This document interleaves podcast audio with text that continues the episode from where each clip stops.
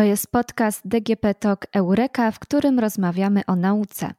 Karolina Pondelsycz, Fundacja Marsz dla Nauki, zapraszam.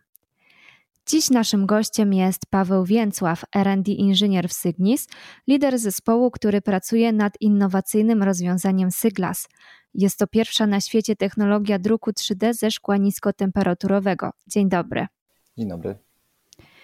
Chciałabym zacząć od początku, czyli od tego, na czym tak właściwie polega technologia druku 3D ze szkła niskotemperaturowego, o której dzisiaj rozmawiamy.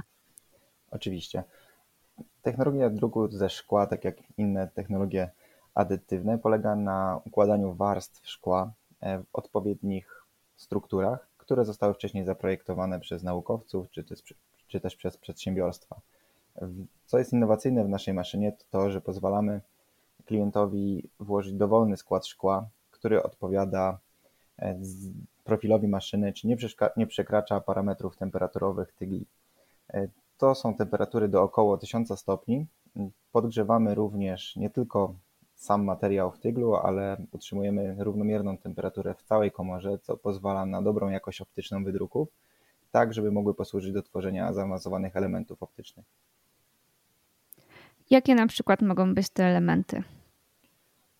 My drukujemy preformy światłowodowe. Są to elementy, z których wyciągamy później światłowód. Działa to na podobnej zasadzie jak na przykład tworzenie przewodów miedzianych, czyli grubszy element wkładamy na specjalną wieżę, która podgrzewa końcówkę takiej preformy i zaczynamy wyciąganie. Wtedy średnica zmniejsza się na przykład z około 5 cm nawet do 100 mikrometrów. E, mówimy tutaj o średnicy takiego światłowodu. Co jest tutaj wyjątkowe, to to, że my możemy dzięki zastosowaniu różnych szkieł tworzyć takie struktury wewnątrz tych światłowodów, które nie są dostępne przy użyciu obecnych metod konwencjonalnych. Możemy zaprojektować taką strukturę, która ma w sobie wiele takich pikseli. E, każdy piksel będzie miał inny współczynnik załamania światła i dzięki temu tworzymy gradienty, gradienty takich współczynników wewnątrz światłowodu. A co to znaczy, że w tej technologii wykorzystywana jest niska temperatura? Niska temperatura w odniesieniu do szkła krzemowego, które zazwyczaj jest topione w temperaturze około 1700 stopni lub wyżej. Dążymy do tego, mamy plan nawet, żeby takie szkła obsłużyć. Stworzyliśmy maszynę, której szkła mają swoją temperaturę topnienia do około 700 stopni. W tym roku zaprezentujemy kolejną odsłonę maszyny, w której już powinniśmy osiągnąć temperatury około 1000-1100 stopni.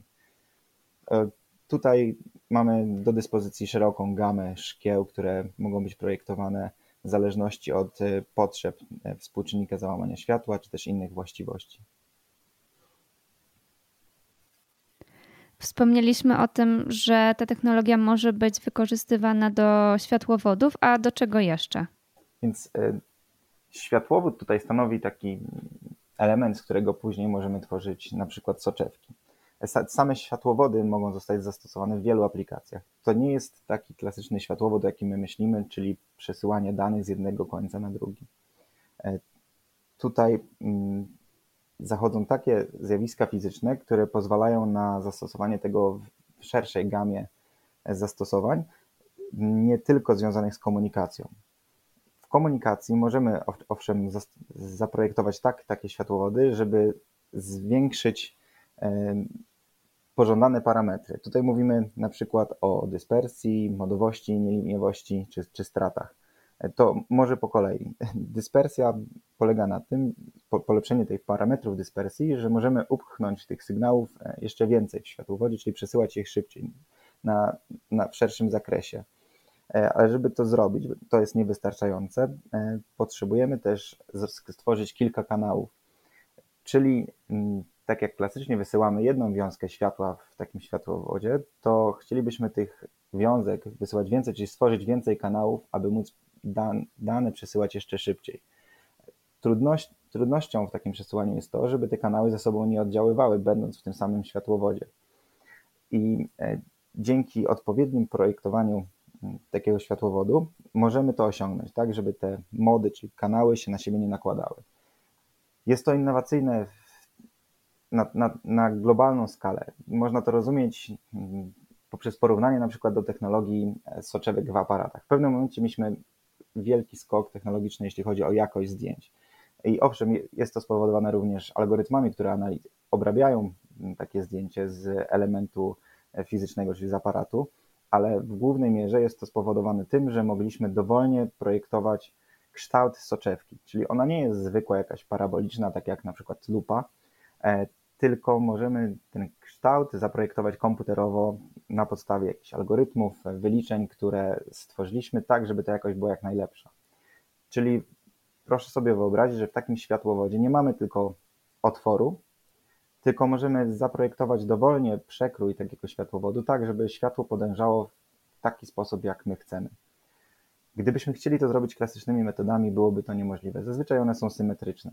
Nawet gdybyśmy e, skorzystali z obecnych technologii, gdzie możemy e, układać pręty szklane z otworami powietrznymi, nie jest to pożądane e, dla większego rynku komunikacji z tego względu, że jest to trudniejsze w montowaniu, ponieważ jakieś zanieczyszczenia zawsze mogą wpaść do środka e, i cały ten nasz trud tworzenia takiego światłowodu zaprzepaścić poprzez zanieczyszczenia w, w takich otworach. To, co robimy, to poprzez druk mm, z dwóch szkieł my te otwory powietrzne zastępujemy drugim materiałem, innym szkłem o innym współczynniku załamania, powodując, że nie będzie tam żadnych przestrzeni powietrznych. To było pierwsze zastosowanie, jeśli chodzi o komunikację. E, takie światłowody są, e, mogą też zostać zastosowane w innych dziedzinach, na przykład e, w detekcji i leczeniu raka. Teraz, żeby sprawdzić, na przykład, mm, czy ktoś ma raka złośliwego w danym, w danym miejscu, potrzebujemy zrobić biopsję. Potem lekarz czy operator musi zanalizować takie zdjęcie i podjąć decyzję, czy faktycznie e, ta, taka tkanka występuje lub nie. To, co proponujemy, to wprowadzenie sondy zakończonej, w której jest światłowód, e, zaprojektowany odpowiednio tak, żeby móc rozpoznawać mm, częstotliwości, czy widzieć, że te dane tkanki tam się znajdują, również pod, poprzez e, dane, które zostały zebrane poprzednio e, w dużym, z, dużych, e, z dużej liczby pomiarów, co również pozwala na zastosowanie algorytmów i wyeliminowanie błędu ludzkiego. Możemy stworzyć czujniki na pasma średniej podczerwieni, co przy zastosowaniu obecnych typów szkła i obecnych metod również nie jest możliwe. I takie czujniki pozwolą nam na przykład na detekcję gazów e, w, właśnie dzięki tym światłowodom czy elementom stworzonych z tych światłowodów e, w pasmach, które dostęp, obecnie nie są dostępne. Możemy stworzyć dużo tańsze i rozproszone systemy takich czujników do monitorowania e, na przykład zanieczyszczeń. Możemy zastosować takie czujniki w wojsku, gdzie na przykład e, będziemy mieli detekcję, czy ktoś nas nie podświetla, właśnie nie próbuje naszej pozycji namierzyć, e, również możemy zastosować takie elementy w noktowizorach.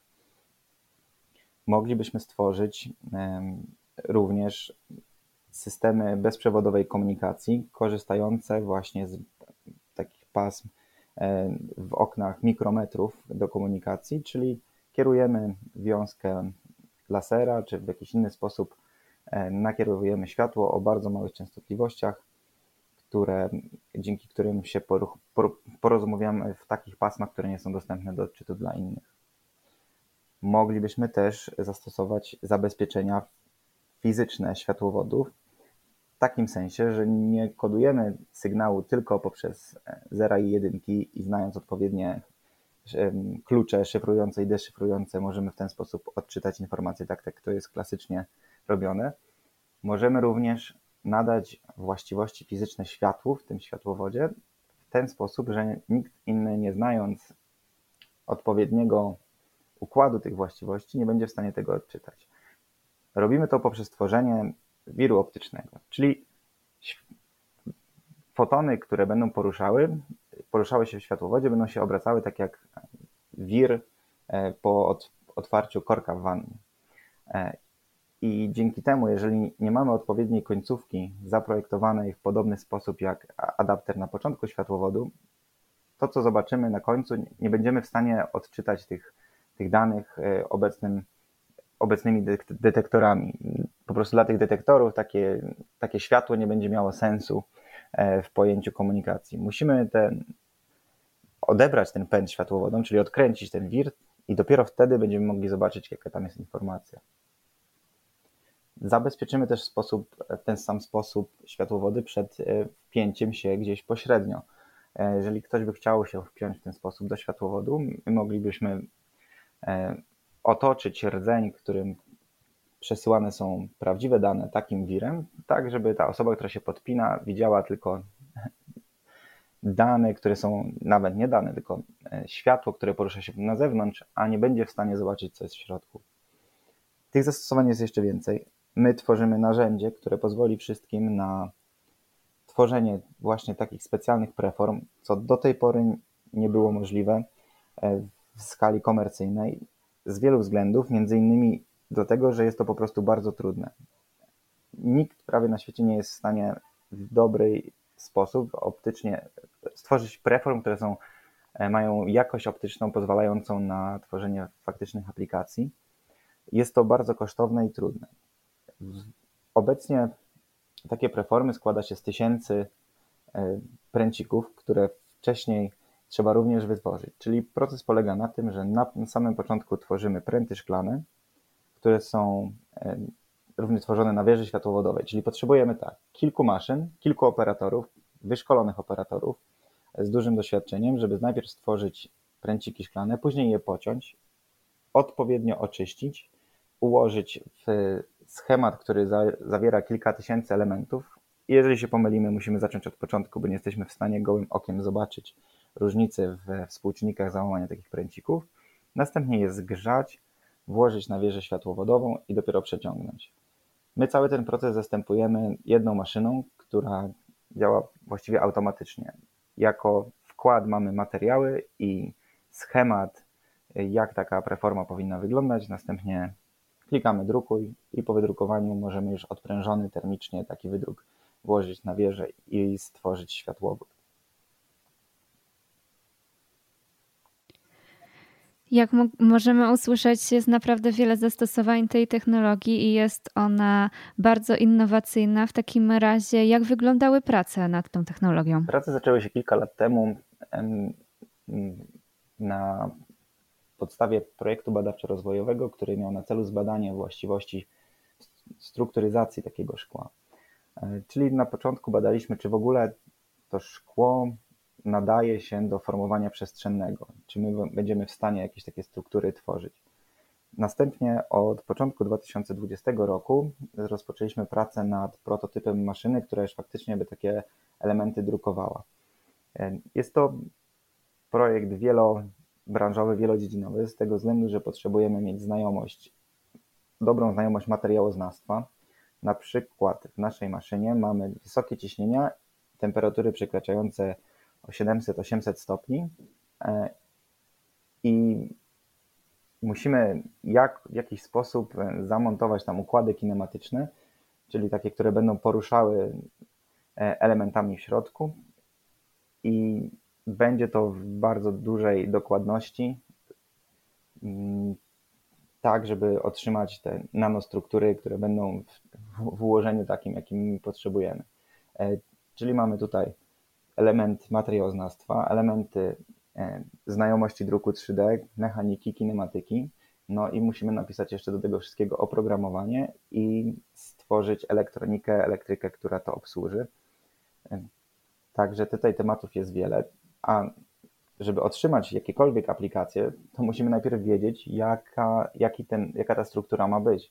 E, więc tutaj bardzo przydatna jest współpraca z instytutami naukowymi, e, gdzie osoby doświadczone w tym temacie, znane na całym świecie ze swoich prac, opracowują schematy, projekty, jak takie preformy powinny wyglądać w środku, żeby otrzymać pożądane właściwości. No właśnie, bo projekt był współtworzony z naukowcami z Instytutu Technologii Materiałów Elektronicznych y, sieci badawczej Łukasiewicz. Jak przebiegała ta współpraca? Współpraca trwa nadal.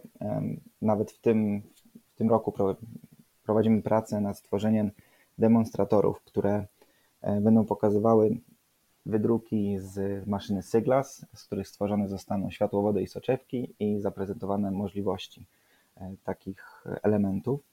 Mm, współpraca zaczęła się od pomysłodawców, czyli profesora Ryszarda Boczyńskiego i naszego CEO Andrzeja Burksa. Z tego pomysłu zrodził, zrodził się wspólny projekt badawczo-rozwojowy, a obecnie przechodzimy w fazę komercjalizacji. Czyli my jesteśmy po stronie produkcyjnej i komercjalizacji, a e, po stronie naukowej jest Instytut. Czyli ta technologia nie jest jeszcze gotowa do wdrożenia? Właśnie ją wdrażamy. W zeszłym roku prezentowaliśmy na targach w Formnext we Frankfurcie, gdzie najwięksi wystawcy druku 3D pokazują swoje no, nowinki technologiczne. Od tamtej pory wraz z porozumieniem klastrów fotonicznych i firm, które zajmują się produkcją takich światłowodów w branży, wprowadziliśmy szereg udoskonaleń, które pozwalają na zainstalowanie takiej maszyny w warunkach przemysłowych e, i kończymy właśnie pracę nad kolejną odsłoną tej maszyny, która może już być montowana w warunkach produkcyjnych. Jestem też ciekawa tej interdyscyplinarności, o której Pan e, wspomniał. E, oprócz naukowców, może inaczej, bardzo duży zespół e, pracował nad tym projektem i jakie to były osoby, jakich profesji? Mamy mechaników, e, osoby programujące, zajmujące się elektroniką, znające się na materiałach. Mm. W Sygnis pracujemy też w taki sposób, że mamy sporo projektów technologicznych, e, gdzie jesteśmy podzieleni troszeczkę z mniejszymi zespołami, ale jednak dzielimy się wiedzą. E, czyli nie tworzymy takich silosów, które są zamknięte i tylko patrzą na swoją jedną rzecz, ale staramy się wymieniać doświadczeniami, e, kontaktami, znajomościami danych tematów, które już kiedyś tam na pewno się gdzieś pojawiły w przeszłości. Każdy e, ma swoją jakąś dziedzinę, w której czuje się najlepiej. Więc sam zespół nie musi być ogromny, żeby tworzyć innowacyjne rzeczy z tego względu, że w firmie mamy osoby, które mają naprawdę dobre wykształcenie i znajomość tematów e, w różnych dziedzinach. Dziękuję bardzo za rozmowę. Bardzo dziękuję. O technologii druku 3D ze szkła niskotemperaturowego opowiadał Paweł Więcław, R&D inżynier z Sygnis. Dziękuję.